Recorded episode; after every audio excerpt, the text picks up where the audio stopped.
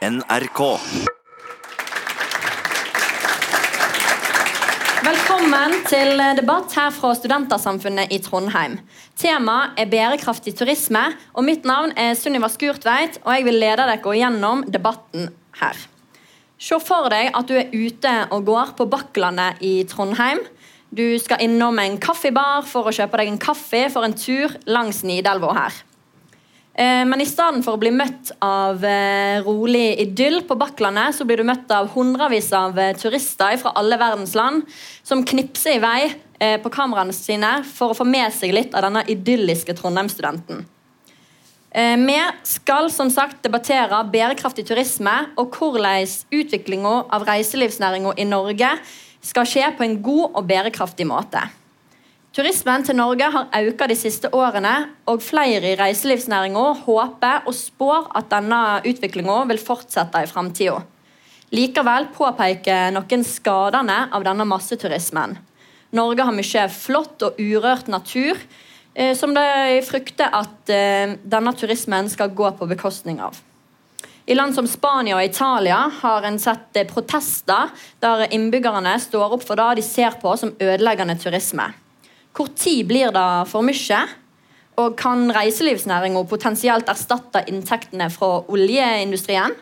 Og til slutt, er turisten, turismen forenlig med et grønt samfunn, eller må innbyggerne og naturen gå på bekostning av økonomisk vekst i reiselivsbransjen?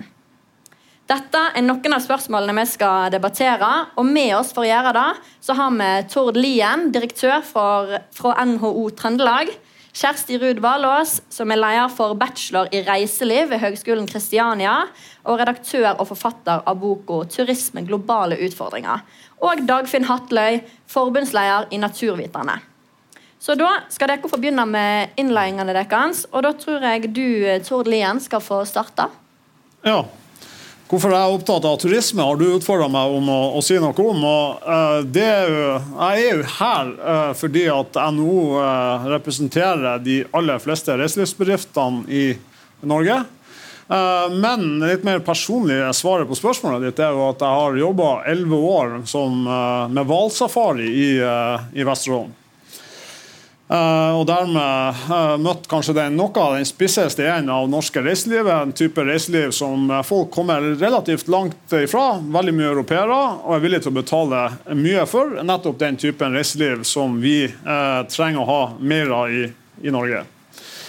Men NHO er jo opptatt av at uh, vi nå over en generasjon og noe mer enn det, ikke bare er nødt til å erstatte uh, energitilgangen vi skaffer fra norsk sokkel. Det er kjempeenkelt. Men vi må også uh, erstatte en betydelig del av inntektene fra norsk sokkel i løpet av en generasjon og litt mer enn det. Uh, og Det er krevende, og i det kommer uh, reiselivet til å spille en rolle. Det betyr at vi ja, for du sier at vi har kanskje for mange turister. Jeg tenker vel Det, det mange peker på, er at vi har for mange uh, turister konsentrert på ett sted. Det bidrar til lokale bærekraftsutfordringer. Det er også sånn at Reiselivet også bidrar til klimagassutslipp. Der skjer det mye positivt. F.eks.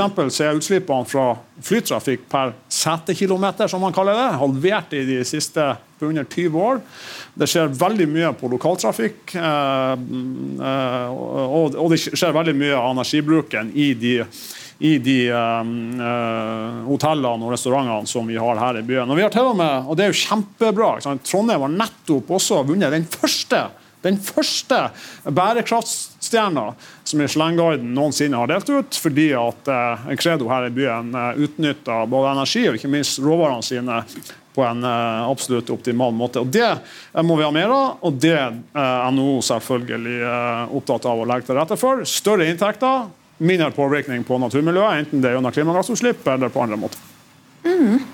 Takk skal du ha. Da kan vi gå videre til deg, Kjersti Valås. Ja, Eh, veldig hyggelig å være her. Eh, jeg lurte også på, når du spurte meg hvorfor jeg er interessert i turisme, så tenkte jeg jeg er født her i Trondheim, jeg vokste opp her de første årene. og Så husker jeg at faren min tok oss med på flyplassen på Værnes for å se på flyene. Så kanskje det er derfor. Kanskje det var der interessen ble vekket. Jeg vet ikke. Jeg jobbet eh, på campingplass da jeg var 15 og 16. Og jeg jobbet på Norsk Folkemuseum da jeg studerte. Så fikk jeg, da jeg var ferdig med å studere, så fikk jeg tilbud om å jobbe på Norsk reiselivshøgskole. Og siden så har jeg egentlig fortsatt med det. Og jo mer man kommer inn i temaet turisme, jo mer interessert blir man. Fordi det er sånn bak den fasaden av turister og hva som skjer, så er det så mye interessant som dukker opp. Så jo mer man kan om turisme, jo mer interessant blir det. Så der tror jeg er litt av årsaken til at jeg holder på med det. Egentlig, Som antropolog er jeg mest interessert i internasjonal turisme og eh, møte med lokalbefolkningen, konsekvenser i fattige land, og det er mye større utfordringer. Så jeg tenker også litt at Her i Norge så kan vi stikke fingeren litt i jorda og tenke at vi har ikke de største problemene når det gjelder turisme. Vi har tross alt ikke masseturisme. Eh, vi har en sterk stat, vi har veldig mange ressurser, og vi er egentlig for spesielt interesserte turister. Vi, har, vi er et dyrt land, det er et kaldt klima, og vi er ganske vanskelig tilgjengelig rent transportmessig. Det er ikke en tropisk øy sånn som Maldivene eller eh, Karibien eller Filippinene. og Der er det ofte avhengig av turismen. altså Bali, Tyrkia, Egypt, eh, Thailand. og en ting som er viktig å si er at Vi må aldri, selv om oljenæring er en, kanskje en solnedgangsnæring, så må ikke vi bli avhengig av turismen. Det er noe som eh, råder sterkt imot. Så Hvorfor vi skal ha turisme, vi trenger egentlig ikke turisme, men jeg tror ikke at det er et relevant spørsmål. Jeg tror det er viktig å tenke at uh, turister uh, de er der uansett. Altså, folk drar for å uh, besøke andre, de drar for å oppleve ting, de drar for å komme seg vekk. Folk drar for å slappe av, utvide sinnet, lære om verden og andre levemåter. Så Det er viktig for oss å reise, det er viktig for oss å, å lære noe, erkjennelse. Og de som egentlig er flest turister i Norge, er jo det er 70% nordmenn som er turister i Norge. Sånn at uh, Vi kommer alltid til å besøke hverandre. Så jeg tenker det er ikke egentlig at vi reiser som er utfordringen, men det er hvordan vi reiser. Og det er så mye bra ting med reising at uh, vi har på en måte et dilemma akkurat når det gjelder hvor mye det skal være. Og så er Turismen ganske viktig for norsk økonomi. 7 eh, av sysselsettingen er i reiseliv, altså 175 000 jobber. Eh, det er 4,3% av bruttonasjonalproduktet vårt som kommer fra reisesnæringa. Næringa vokser, den har arbeidsinsentiv, det er mange arbeidsplasser for unge, for deres studenter. Det er den næringa i Norge som er mest inkluderende når det gjelder mangfoldssamfunnet. Som integrerer best. Det er vi veldig stolte av. Serviceøkonomien er økende. Og så har vi jo et fantastisk produkt. Altså Norge er et veldig spesielt vakkert land. Så jeg tenker um, Turismen er i seg selv ikke ødeleggende, men den er det sånn som den er nå, til tider. Det er for mange mennesker på samme sted til samme tid. Og det må vi gjøre noe med, det må vi regulere. Uh, og Da kan vi tenke at vi skal ha spesielle typer turister. Vi må styre med hva slags turister vi ønsker. Og så må vi kanskje ta i bruk noen nye virkemidler. Vi bør kanskje snakke om turistskatt, det som vi kan kanskje besøksbidrag på et, med et bedre ord. Eh, og ha det i lokale pressområder. Ja. ja. Takk skal du ha. Da, eh, Dagfinn Hatle, kommer vi videre til deg. Ja, takk for det. Takk for invitasjonen. Kjekt å være her i Trondheim. Og som det er sagt, her Norge er jo et fantastisk eh, turistland. Ikke, grunn, ikke minst pga. naturen vår. Det er jo sånn at uh, Vi har jo skattkamera, selfier og Instagram, Snapchat fra Lindenes i sør til Finnmark, Svalbard i nord. Når det gjelder de som kommer og reiser til oss. For noen år siden så ble Fjord-Norge kåra til verdens beste reisemål av National Geographic Traveler. Og Begrunnelsen var jo den dramatiske og fantastiske naturen i seg sjøl, men da òg at naturen vår er bebodd, at den er i bruk. Og Det tenker jeg det er et eh, utgangspunkt som er gull verdt. Vi har mye natur i øverste klasse. Og har vi natur i eh, verdensklasse, så trenger vi òg en naturforvaltning i verdensklasse av denne naturen. Og Turisme er en viktig næring for Norge, ikke minst en viktig distriktsnæring. Og Skal vi ta den videre inn i det grønne skiftet og med klimaendringer, så trenger det klokskap og kunnskap. Og En debatt som denne i dag er da viktig. Eh, min fagforening Naturviterne vi organiserer medlemmer i hele landet, både i privat og offentlig sektor, som bl.a. jobber direkte eller indirekte med, med reiseliv, bærekraftig naturbasert reiseliv. I næringen selv, eller f.eks. innen eh, naturforvaltning, arealplanlegging, formidling og forskning og undervisning. Og så har vi et stort hjerte for bærekraft, og derfor er jo vi engasjert i en debatt om bærekraftig turisme. Og så er det sånn at Alle turister de oppholder seg jo i en kommune, så vi tenker at det lokale har en veldig avgjørende rolle når det gjelder bærekraftig turisme. Det at en har nok kompetanse og kapasitet i kommunene, inkludert med natur og økosystem, det er viktig for at vi kan håndtere den uh, turisme bærekraftig framover. Om vi har for mange turister i Norge, trenger vi turismen? Uh, mitt svar på at vi trenger ja, vi trenger turismen. Som du har sagt her, Vi har kanskje for mange besøkende på, på AT noen områder.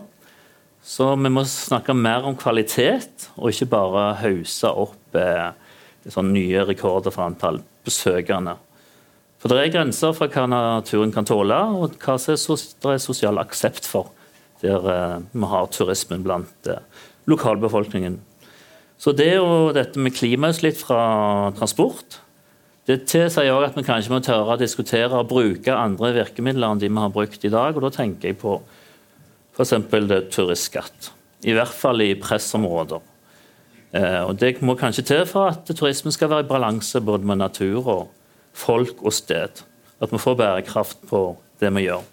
Og til slutt, Jeg er jo leder av en fagforening, så jeg tenker det er viktig med et velorganisert organisert eh, regulert arbeidsliv.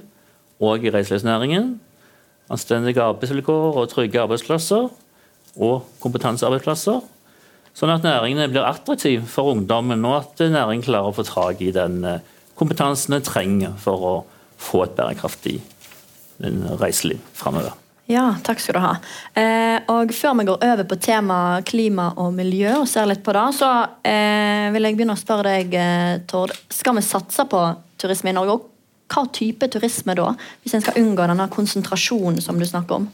Nei, altså For å unngå den konsentrasjonen så må vi jobbe mer målretta for å spre turistene både geografisk og i tid. Altså Det er ingen som mener at det er for mange turister i Norge i februar. Eh, mars, eh, november. ikke sant?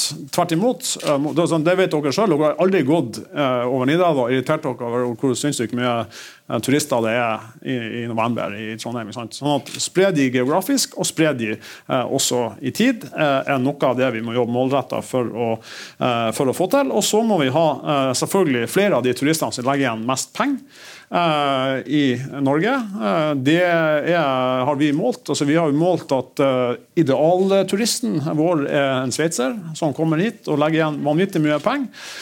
Og det er viktig, fordi at når vi kommer til dette med skatt fordi at men Det skal vi gå litt inn på seinere. Veldig bra, det gleder jeg, det gleder jeg meg stort til. Men vi må, vi må, ha turister som, som legger igjen mye penger. Hvordan skal en spre hvordan skal en klare da, da, å få turistene til å komme her i januar-februar og besøke alle krinker og kroker, som gjerne ikke er så populære ut i verden? Det er ikke så masse bilder av dem. Hvordan skal en spre det både i landet og Nei, i i, i månedene? I tid er det allerede satt i gang et arbeid altså for å få flere turister til å komme hit på vinterstid. er Det satt i gang et arbeid nå som, som, selvfølgelig må backes opp både av bedriftene, altså oss, eh, men også av myndighetene, for å bidra til at vi får markedsført i kaldhuset noen retninger Viking et eller annet. Altså fordi på en måte kom til Norge og opplevde hvordan vikinger hadde det. ikke sant? Uh, det Om det funker eller ikke, det er ikke godt å si, men det må man på en måte bruke ressurser på å få.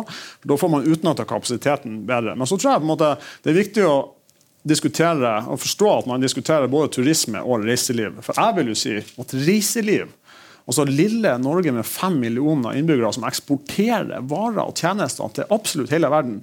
Vi er helt avhengig av reiselivet. Altså, fordi at, også, fordi at altså, Vi har 200 serveringssteder i Trondheim. Eh, og dere er jo mye viktigere. altså Studentene i Trondheim er mye viktigere for de 200 serveringsstedene enn turistene noensinne kommer til å være. Men den aller viktigste gruppa er jo de som kommer til Trondheim for å kjøpe og selge et eller annet eller jobber med et forskningsprosjekt, men som er her og trenger en tjeneste. Så den tjenesten som reiselivet leverer i hele landet, eh, den er vi allerede helt avhengig av som eksportnasjon, eh, og som en nasjon som er opptatt av og avhengig av å samarbeide med andre land. Eh, og bare det å klare å få til et fornuftig utveksling av kompetanse, varer og tjenester mellom landsdelene i Norge, gjør at vi er helt avhengig av et godt og et velfungerende reiseliv. Derfor er turistskatt så dårlig idé. Men tilbake for da på um, å spre turistene utover et større tidsrom, og ikke konsentrert på sommeren.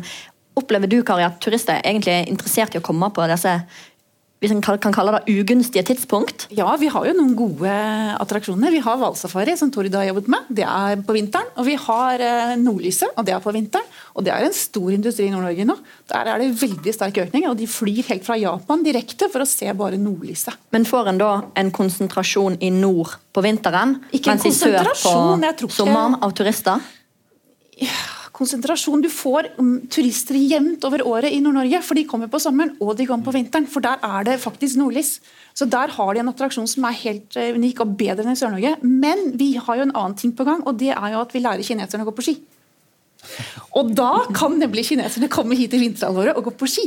Og det er noen steder i Norge hvor det er press i februar også. altså Hemsedal i vinterferien og Hemsedal i påsken. Der er det overturisme. er helt klart. Så det finnes allerede ganske mye turisme i Norge som vi kan utføre på vinterhalvåret. Det er bare å kjøre sterkere på det. fordi er det noen som virkelig vil lære seg å gå på ski og bli gode, så er det kineserne. Og det er det største markedet i verden.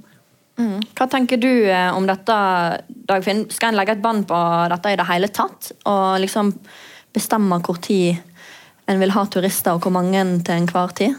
Jeg tror vi har muligheter på, på, på begge deler. Vi, vi har jo årstider i Norge. Det er ikke alle land som har sånn tydelige årstider som oss. Vi har jo vinter og sommer. Fortsatt vinter, heldigvis.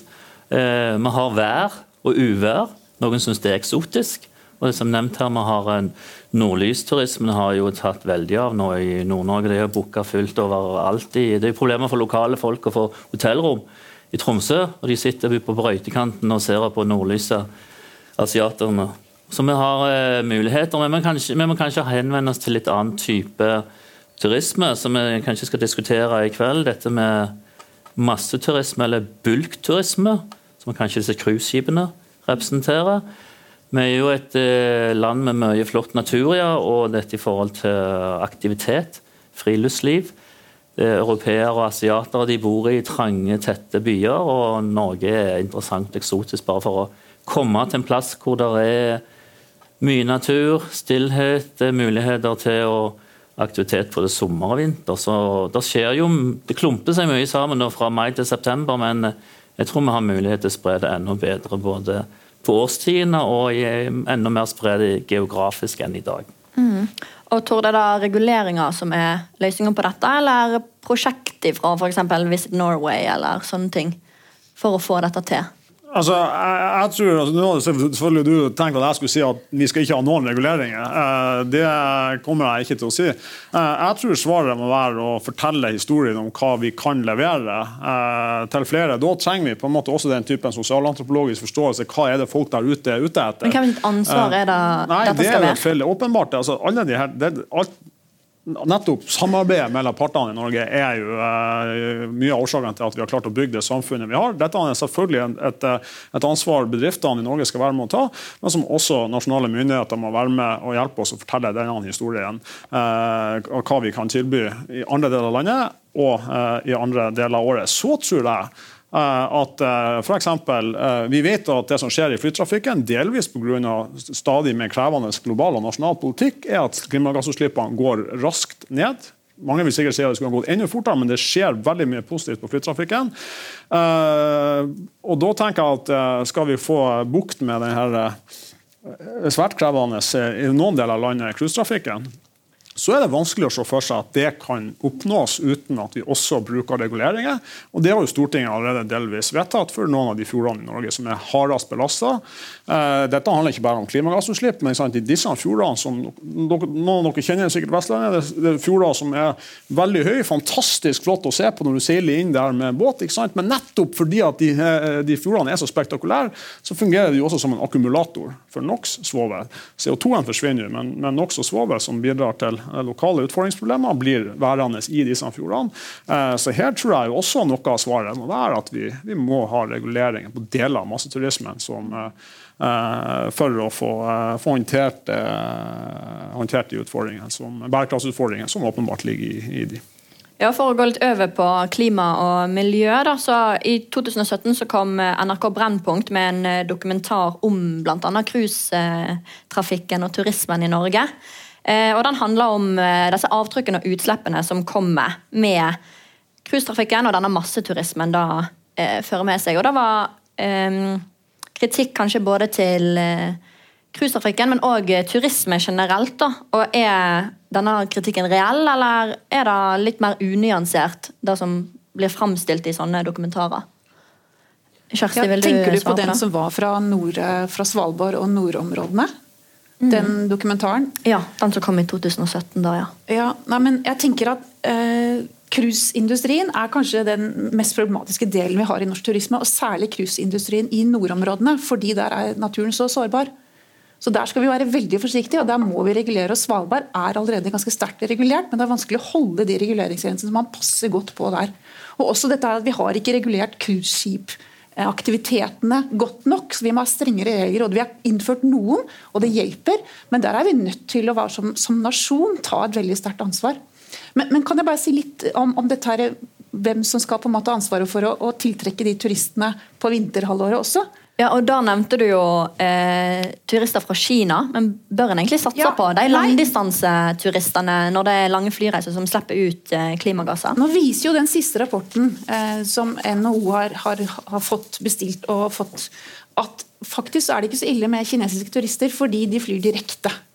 Eh, og de er her ganske lenge, så, det er ikke så stor forskjell på klimaavtrykket fra en spansk turist og en kinesisk turist. Så det er ikke det verste.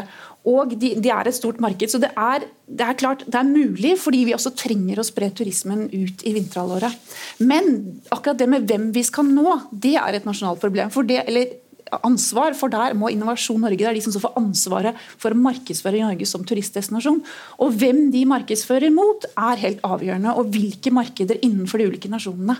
Og for det er på en måte, Å snakke med markedene er det viktigste, og da kan vi styre hvem som kommer hit på en helt mye sterkere måte. Det regjeringen har gjort nå, er jo å kutte bevilgningen til Innovasjon Norge med 51 millioner, så at det blir ikke like mye målretta markedsføring som før. og Da har ikke vi styring på hvem som kommer hit.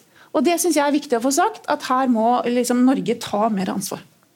Ja, Hva tenker du, eh, Dagfinn? Hvem er det som skal ta ansvaret? da? Nei, jeg tenker i hvert fall at uh, turismen i Norge er sårbar. For det, at, uh, det er slik at 50% av de som kommer til Norge, de kommer med fly.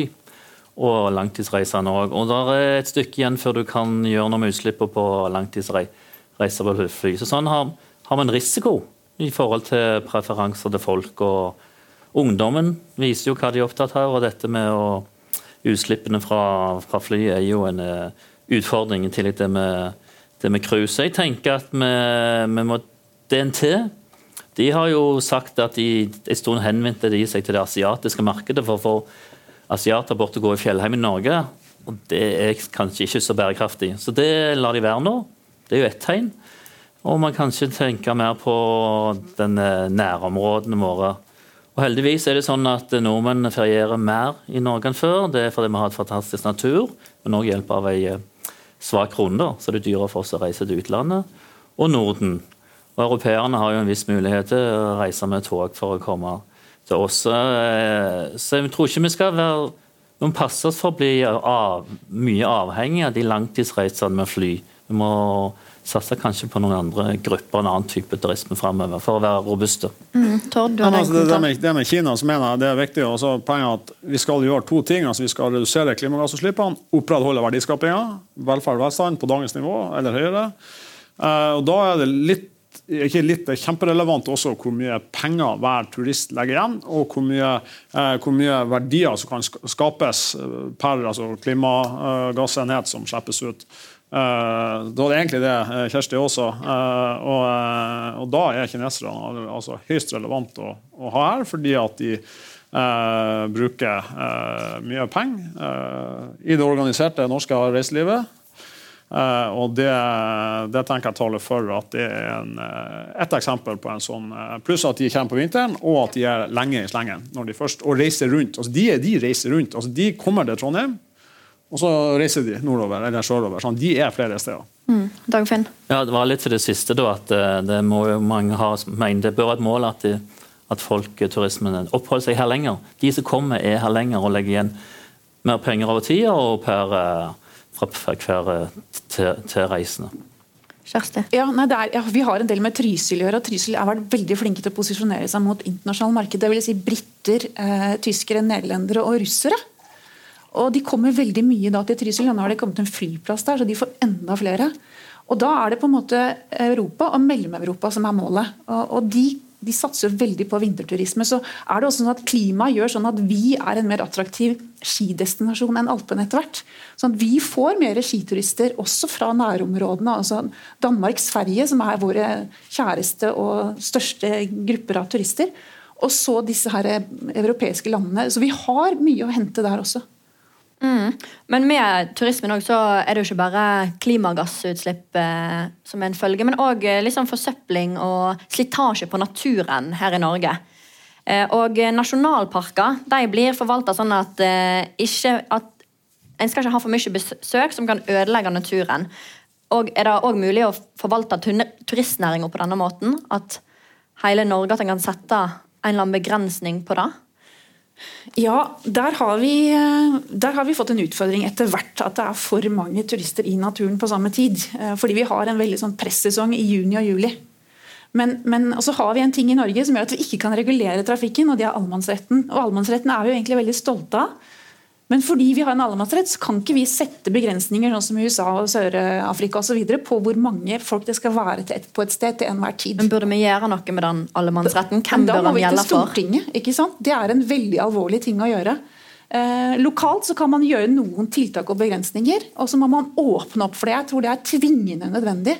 Og så må vi tenke gjennom at den, den vi har, altså allemannsretten, som er en fantastisk rett for alle til å gå ut i vår frie natur, den er, eh, den bør vi egentlig kunne beholde, men vi må jo forvalte den på en veldig god måte.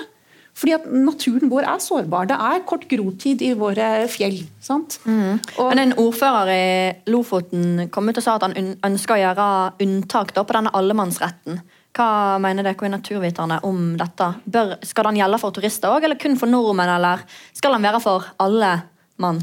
Allemannsretten den, den, er jo veldig viktig. Det er noe av det mest norske og nordiske vi har, og den, den, må vi hegne om. Utfordringen er jo det at eh, nordmenn eh, forstår jo, de fleste i hvert fall, hva allemannsretten er. Mens uh, utlendinger som kommer her, de, de, kjenner ikke til hvordan den fungerer. men naturviterne er jo imot å gjøre noe med allemannsretten. Da man heller gjøre noe på det som vi kanskje skal diskutere òg, med bedre tilrettelegging i forhold til parkeringsanlegg og skilting, og at disse driver i reiselivet og aktørene, og det hotellet og andre, de som tar imot eh, turisten, informerer om den allemannsretten og, og hvordan den ter seg i norsk natur. Men det er, det er, det er noen dilemmaer her. Jeg selv, når jeg ikke er på jobb i Oslo I min jobb så bor jeg i Ryfylke, i Hjelmeland. I nabolaget til Lysefjorden og Skjerag og Preikestolen. I år er det vel 330 000 besøkende. Eh, jeg går bare der når jeg har besøk, jeg liker ikke å gå i kø.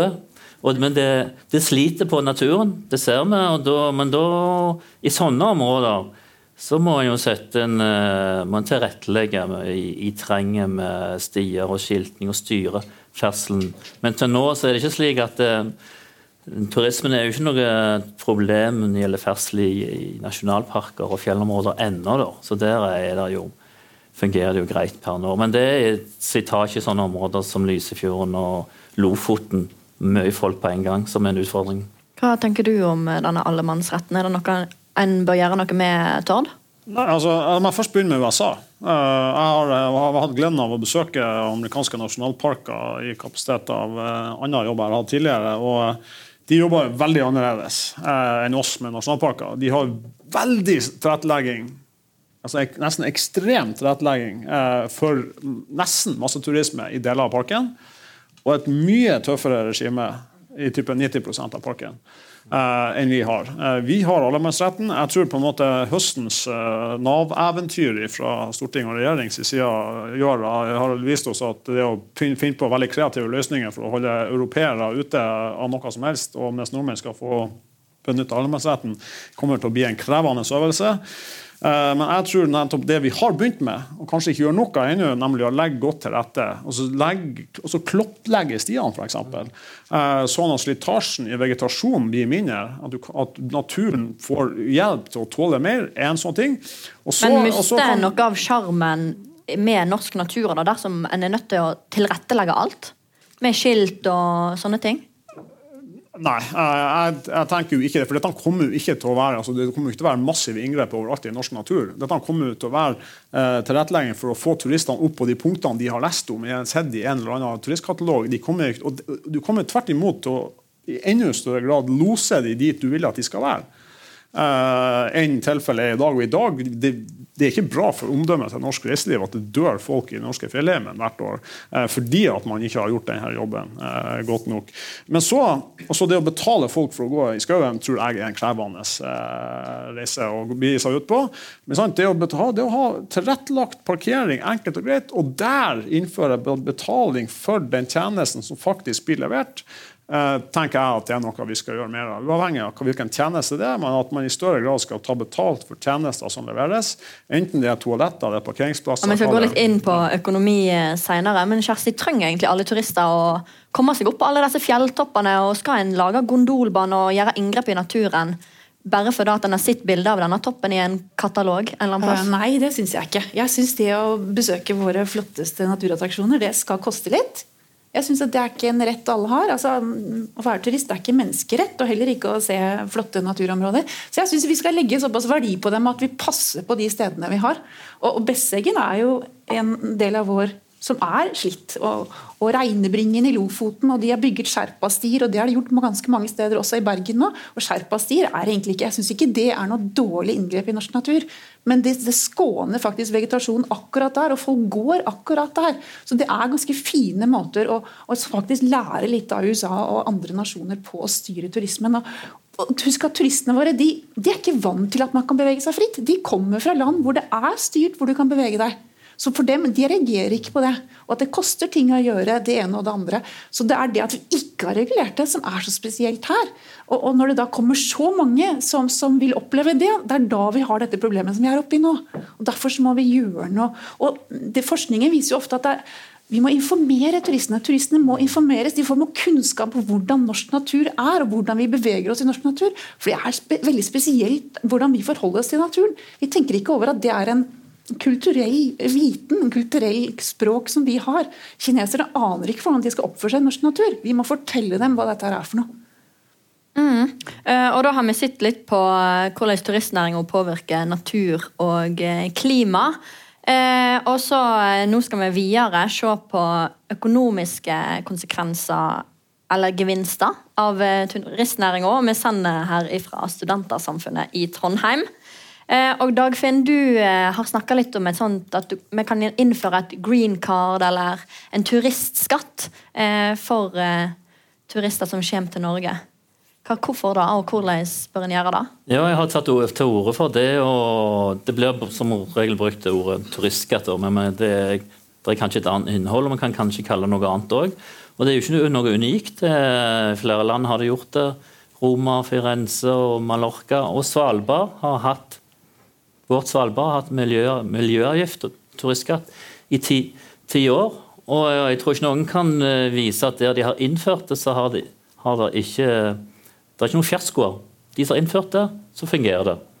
Og det er viktig. Og det er jo sånn i Norge at der vi har veldig mye turister, så altså Der det klumper seg med turister, er jo distriktskommuner der vi har den vakre naturen. og det, det er ikke så store kommuner med utbygd infrastruktur, eh, lavt innbyggertall, og de har ikke kommunebudsjett som eh, kan håndtere når du har en halv million besøkende i, i Lofoten. Så det er en mismatch der. Eh, så vi har tatt til orde for det, ikke nødvendigvis en nasjonal eh, turistskatt, men at hvis det er enighet om det lokalt, så kan kommunene innføre det kan, det kan kalles green card, det kan kalle et forvaltningshonorar til naturen, eller et bærekraftsbidrag. Eh, ja, Eh, ja, så vi har tro på at det er nødvendig, men poenget må være at det skal ikke være en melkeku for kommunen, men det må være, de pengene en tar inn, må være øremerka til å tilrettelegge for den eh, ferdselen har, for å hindre at den naturen blir forringa, den naturen vi skal selge som et produkt. Mm. Men på NHO sine sider så står det at uh, turistskatt ikke er en god løsning. Jeg kan finne andre løsninger på dette. Um, men hvorfor er dere ikke for denne turistskatten? Nei, det er fordi at eh, vi her Altså, vi må ikke tømme den sosiale bærekrafta på, på båten, eller på havet, eh, i jakta på det økologiske bærekrafta. Vi vet altså at denne altså reiselivsnæringa er den næringa i Norge som i størst grad integrerer mennesker som sliter med tilknytning til arbeidslivet. Heldigvis jobber det masse friske, fremadstormende studenter i reiselivsbedriftene rundt omkring i hele Norges land, men det er også den næringa som er best eh, langt frem i, sett lengst frem på stolen når det gjelder å inkludere mennesker som sliter med tilknytning til arbeidslivet. Skal vi komme gjennom denne endringa vi skal gjøre med på en sosial bærekraftig måte i framtida, så er vi nødt til å opprettholde veksten i reiselivsnæringa også. Og da er turistskatt en dårlig løsning for å opprettholde en vekst absolutt, økonomisk? Absolutt, fordi at selv om vi har sett en solid utvikling de senere årene på, på topplinja, altså på omsetninga i reiselivsnæringa, så er det fortsatt sånn at de aller fleste reiselivsbedriftene i Norge har ei bunnlinje som knapt nok vises i regnskapet. Eh, det er relativt lav verdiskaping i de fleste reiselivsbedriftene i Norge. Eh, og Det å legge en skatt opp på toppen kommer til å gjøre, gjøre at konkurransekrafta deres eh, svekkes ytterligere. Og det er altså ikke hotellgjestene det er ikke hotellgjestene i Norge eh, som verken skaper misnøye i lokalbefolkninga, eller som er en utfordring for bærekrafta lokalt. Så det er jo på en måte sånn, poenget Se, se folk i Geiranger. De som kommer kjørende ned til Geiranger, tar inn på Geiranger hotell, betaler sikkert, bruker sikkert på et, et ektepar som overnatter på hotellet i Geiranger, bruker kanskje 4000 kroner på overnatting og mat ish, på, på en kveld. Reiser derifra. Mesteparten av de pengene havner på en eller annen måte i kommunekassen. Men sier du da at eh, de som bor på hotell, ikke skal eh, betale en turistskatt, men at andre turister Nei, jeg sier, en annen måte? altså, Vi har snakka om det før, at jeg mener at det er helt legitimt å diskutere hvordan vi kan begrense masseturismen, inkludert av cruisetrafikken, som kommer inn med masse turister, og legger igjen veldig lite. Eh, jeg mener at de som benytter tjenester i forbindelse med cruisetrafikk, må betale for det. Akkurat som jeg mener at, at man bør betale for tjenester når man er hotellgjest. Men å si at hotellgjestene i Norge skal få en ekstra skatt når vi allerede har et, har, vet at vi, altså vi har et høyt lønnsnivå i Norge, heldigvis. Det er derfor vi kan finansiere velferd og velstand på den måten vi gjør i dag. Hva sier forskermiljøet om en turistskatt? Er det noe en bør ha? Og eh, skal det være reelle utenlandske turister? Skal nordmenn som ferierer som er hva var det, 70-75% av turistene i Norge, så de òg betaler denne turistskatten? Ja, det, Forskerne sier forskjellige ting, men veldig mange er nok enig i at lokalt sett i en del områder så bør man innføre at turistene betaler noe for noen områder. Og kanskje, sånn som dere er vant til når dere reiser til Roma og London, er at dere betaler litt oppå hotellregningen, og det er turistskatten vi snakker om her. Og Det er kanskje ikke måten å gjøre det på, å legge det på overnatting, fordi Norge er dyrt fra før. Så man kan få et besøksbidrag fra de turistene som på en måte kommer til f.eks. Lofoten, og man skal da legge det på aktiviteter, på, på, parkering, altså på en del områder som på en måte rammer riktig i forhold til de turistene som kommer. Og særlig cruiseturistene, et ilandsbidrag osv., som er en, lite beløp som samles inn for å bruke det til å, å skilte, lage, sette opp toaletter, holde stiene ved like. Ha søppelkasser rundt omkring, sånn at det er orden. Det, det tror jeg er det viktigste middelet vi kan ha i pressområdene våre, men ikke nasjonalt. Mm. Dagfinn, er dette noe en bør ha nasjonalt? Ja, Norge, Norge, er jo høykostland, vi kommer ikke vekk fra det. Og det er viktig med god økonomi i næringen. Men, eh, men det med høykostland det sier jo de som kommer til oss, er ganske kjøpekraftige. Om de får en avgift på 10 euro, så tror jeg ikke det virker veldig negativt. Det er negativt hvis du får i dagens sosiale medier-verden med selfier med bilder av trengsel og søppel og altså dårlige bilder. så som kommer ut fordi at vi, kommunene ikke klarer å håndtere den mengden som kommer, det det er verre for, eh, for, eh, næringen. Og jeg tror at uh, turistene sjøl de, de, ønsker å være bærekraftige. Og Kall det noe annet. Kall det et bærekraftsbidrag. Og så at de ser at de får noe igjen for når vi forteller hva de får igjen for det, så tror jeg det er helt håndterbart å ta en sånn en, altså, et lite bidrag men, men, for de besøkende. Men, men, dersom man virkelig ønsker å oppnå akkurat det, at turistene skal se at de får noe igjen for det de betaler, så må man linke den betalinga til en tjeneste som faktisk blir levert. Ellers så blir det bare historiefortelling. Det men det er jo sånn På Nordkapp-platået så betaler turister for å komme opp eh, og for å ta seg inn på dette naturområdet. Eh, er det en god løsning på det, eller går det på bekostning av denne allemannsretten? egentlig? At du må betale for å komme deg inn på et område i naturen? Nordkapp er jo litt spesielt, for det er privat drevet, og det går til Scandic-kjeden. De pengene som vi betaler der, så det er på en måte litt sånn dårlig eksempel, men akkurat det å regulere tilgangen til noen områder. Det er det vi snakker om. Det er det som er denne kurtaksten eller turistskatten eller reisemålsbidraget, som det kunne ha hett. Men, men, eh, da må det være det offentlige som får inn de pengene, sånn at de kan bruke det, og at ikke det går til en privat eier.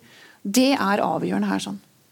Ja, ja, og Vi kommer ikke der, og vil jo absolutt ikke komme der at vi skal ta betalt for folk å gå på tur i norsk natur. og Derfor argumenterer jeg for turistskatten. for Da må vi finne andre måter å ta, ta inn en liten skjerv. Nå har vi I store anlegg, utfartssteder, så har en jo parkering da, for buss og bil. og Det er der en kan ta den. Men en, det er bare de. så En trenger noe som at alle gir litt inn i fellekassen gjennom sånn et reisemålsbidrag, tror jeg er fullt mulig å innføre. Men altså, jeg vil å si at Det er ikke sånn, ikke sånn at turister og andre som benytter reiselivstjenester, ikke bidrar til inntekter til verken kommunekassa eller statskassa. Uh, altså, dette er jo et, så Vi er enige om tror jeg, alle tre det er en ekstremt arbeidsintensiv uh, næring vi snakker om. Uh, mestparten av pengene som kommer inn, blir betalt ut i lønn. og mestparten av, ikke mestparten av lønna, så nå skal jeg si at mestparten av lønna gikk til kommuneskatten. det var kanskje å ta i litt. Men en betydelig del av de pengene som betales ut i lønn, går altså til kommunale skatter. sånn at Vi kan ikke starte denne diskusjonen med, utgangspunkt, altså med et utgangspunkt at at, at, turister i Trondheim og andre deler av landet ikke bidrar til kommunale inntekter, for det stemmer ikke. Altså, vi har beregna det eh, bidraget til Trondheim kommune til over, godt over 200 millioner kroner eh, bare fra reiselivsbedriftene. Eh, og Der er jo turistene en liten del, studentene er en viktig bidragsyter, og andre som reiser til Trondheim på forretning, er den viktigste bidragsyter. Dagfinn. Vi skal jo snakke også om sosial bærekraft. at det her, Turisten balanserer med de folk som bor der. Og igjen, de har to ganger i året Innovasjon Norge hadde en befolkningsundersøkelse og spør hva folk mener om turisme. Og folk vil ha turisme for det gir inntekter, og de, vi ønsker å vise fram landet vårt, naturen. Men det siste tallet er at de som ønsker å innføre turistskatt, når jeg spør de som bor i pressområdene, den har økt fra 44 til 65% fra, fra i fjor til år. Mm. Så er en drein. Her er det noe som skjer blant folk, og da tror jeg det er viktig å gjøre ting i tide.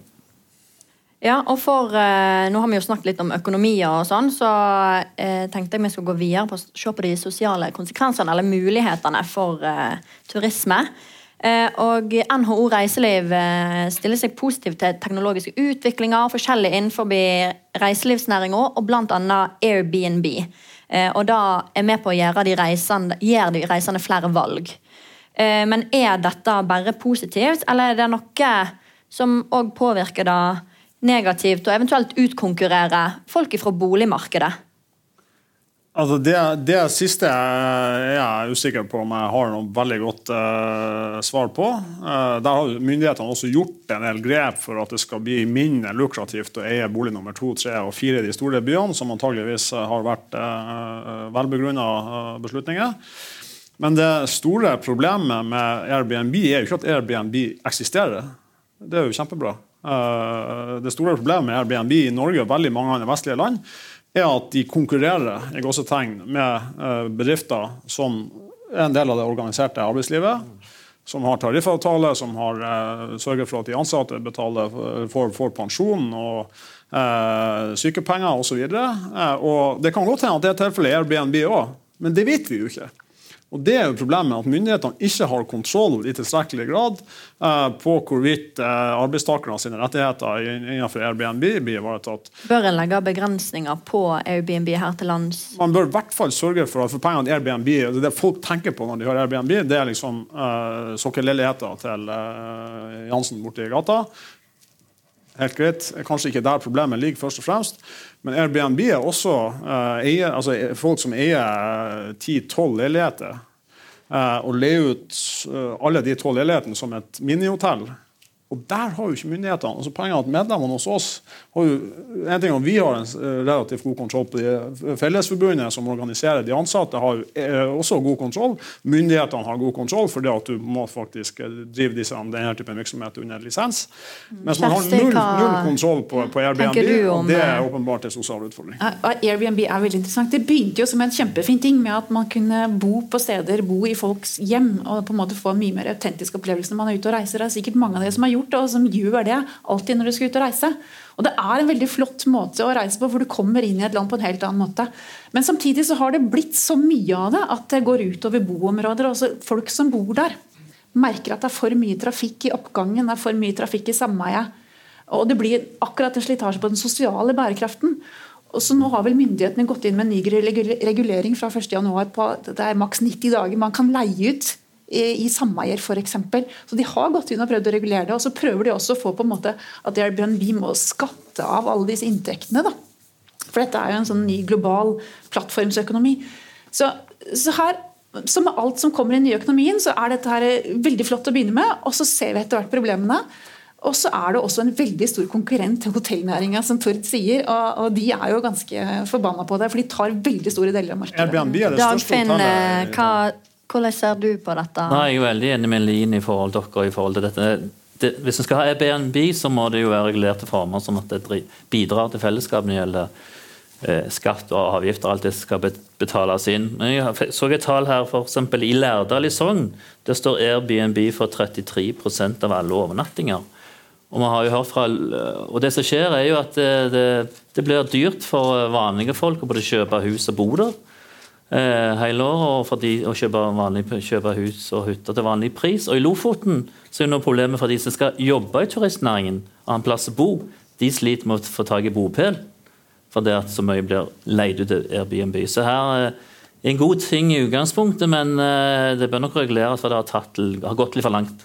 Kjersti For det er en klassisk konsekvens, eh, sosial konsekvens av turisme. Det er at det blir press på eiendommer, det blir press på eiendomspriser. Og det er akkurat det som skjer også med Airbnb. Og der må man da være våken igjen og følge med på utviklingen. For det er fint å ha eh, turister, men det er ikke fint å ha for mange turister. Jeg må helt kort nevn til uh, forsamlinga at eh, Airbnb ville ha vært det klart største hotellet i Trondheim. Det er ikke 33% kapasitet, men jeg tror det er 19, 19% av hotellsengene i Trondheim er Airbnb-senger. Ja, Dagfinn, du nevnte jo eh, Lofoten. Og eh, der er jo en annen sosial konsekvens, kanskje, at eh, menneskeavføring og forsøpling eh, fra turister i Lofoten og eh, andre plasser i Norge også, har skapt veldig sterke reaksjoner blant eh, lokalbefolkningen. Eh, og hvordan skal en legge til rette for dette? Har vi vært for dårlige på det til nå, siden dette har blitt resultatet? Kjersti? Ja, altså Når folk gjør fra seg ved siden av turiststiene på Preikestolen og i Lofoten, så er det jo noe som ikke stemmer. Det er klart det, det er for mange der. Og... Men det har jo noe med turistene å gjøre også. Eh, folk flest gjør jo ikke det. Men, men noen gjør det. ikke sant? Men så er det også at det mangler toaletter i Norge. Vi er ganske dårlige på infrastruktur når det gjelder toaletter i Norge. Det vet vi selv som nordmenn. Så der har vi en jobb å gjøre. Men vi må også altså, Men hvis dette er sånn, vi vet det i Norge, men hvorfor har ikke vi gjort noe med det ennå?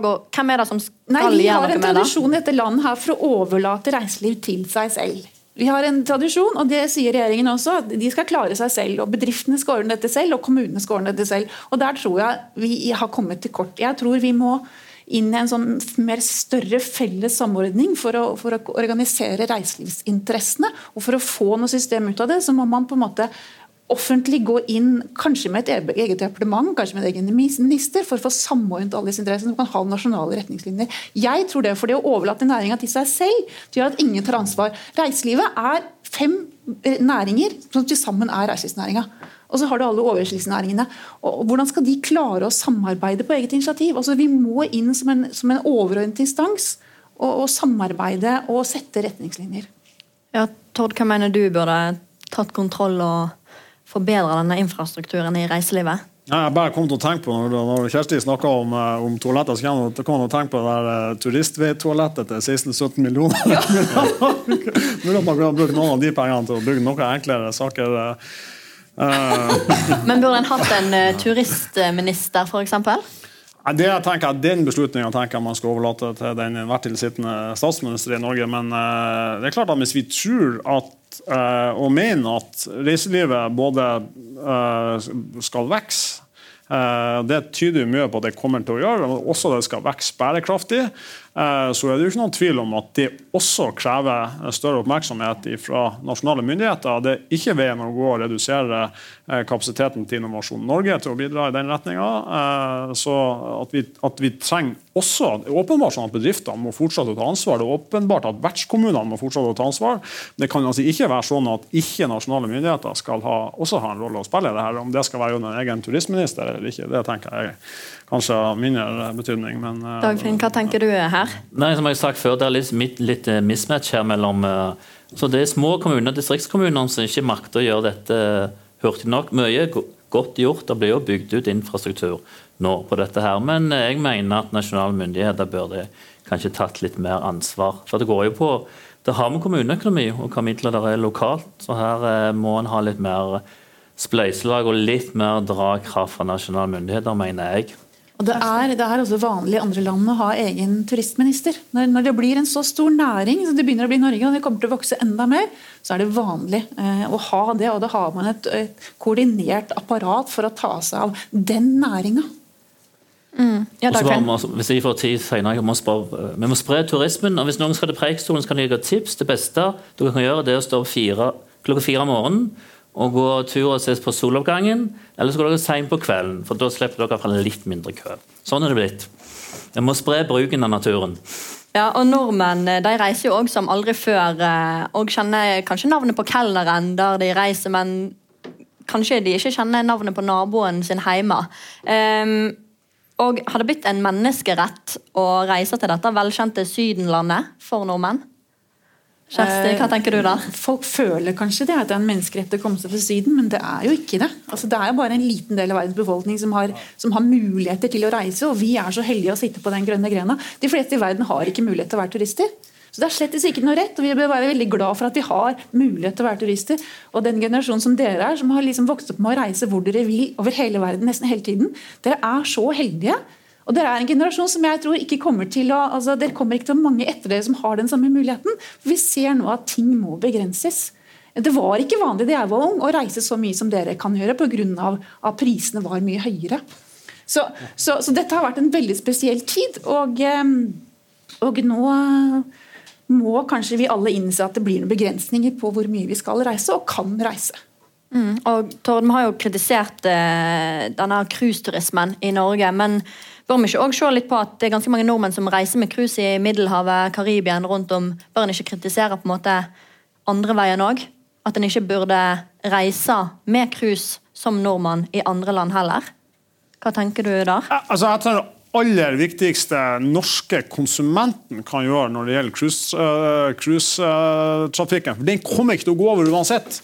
Eh, det er å etterspørre de mest bærekraftige løsningene. Altså De skipene som slipper ut minst CO2, de som, de som tar en best plan for hvilken type drivstoff de bruker, de som har en best plan for hvilke bestikk de bruker, om de bruker plastikkbestikk og alt sånt her, det er det viktigste norske konsumentene kommer til å gjøre. fordi at Vi er fem millioner innbyggere her oppe. Vi kommer ikke til å klare å stoppe den globale cruisetrafikken uansett, men vi kan bidra til at den globale cruisetrafikken blir mer bærekraftig gjennom å etterspørre den typen, uh, den typen løsninger som er mer bærekraftig. 50% altså, kutt per passasjerkilometer på under 20 år på fly. Helt fantastiske resultater. De, de må, vi må oppnå mye mer. Vi kommer antageligvis til å være det første landet i Norge, i verden, mener jeg, første landet i Norge, første landet i verden eh, som kommer til å ta i bruk eh, elektriske fly i kommersiell trafikk. Eh, det, er, sånn, det, er, det vi må, må, få til, nettopp fordi eh, at vi kan eh, fortsette å reise. Eh, Dagfinn, hva tenker du om dette? Jeg tenker Når en først reiser, i hvert fall tenk hvilke reisemål du velger, og reisemåte. Og, trenger vi en holdningsendring blant alle reisende? Ja, og jeg tror ungdommen eh, viser vei. og Det, har, eh, det kan jo være sånn det blir bare dyrere, eller dyrere og, og mer krevende reise langt. Men eh, prøv å være bærekraftig når en reiser. Når en er på sted, sted, tenk litt på det. Handle lokalt. Både mat og tjenester. Og dette her med f.eks. bestille på disse hotell.com og booking.com. Ikke gjør det, bestill direkte heller. For du, du kan få bedre pris, og skatteinntekten går til et helt, helt, helt annet sted. tenker du her? Akkurat det er jeg veldig enig i. At man skal bestille direkte fra leverandør. Og så bør man kanskje, når dere skal ut og reise, tenk Altså ikke, ikke bruk de store kjedene. Eh, bruk lokale hoteller, bruk lokale transportbedrifter, bruk lokale aktiviteter og guider, fordi at da vet du hvor du legger igjen pengene dine. Og det er det, Den makten du har som forbruker og turist i dag, det er å vite hvor du legger igjen pengene dine. For pengene dine er mye verdt rundt omkring i verden. Og Det er egentlig det viktigste vi kan gjøre. Og jeg tenker at ja, Man kan, man kan liksom lure på skal man slutte å, å, være turist fordi det er forurensende og det er ikke bærekraftig å være turist i seg selv. og Det kan du si hvis du tenker på en absolutt form for bærekraft. Men hvis vi skal gjøre noe bedre, da, så går det an å tenke gjennom hvordan du reiser. Eh, og hvor lenge du blir, og hvilke transportmidler du bruker, og hvilke leverandører du bruker i det hele tatt. Fordi at det spiller en rolle.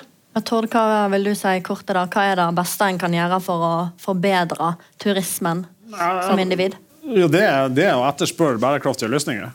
Uh, etterspør de tingene du selv er opptatt av at skal bli bedre. Enten det er sosial bærekraft, sørg for at det er folk, du kjøper tjenester av folk som betaler folk ordentlig, gjør, gjør en ordentlig og har respekt for sine ansatte, uh, som ikke slipper ut mer klimagasser enn absolutt nødvendig, osv.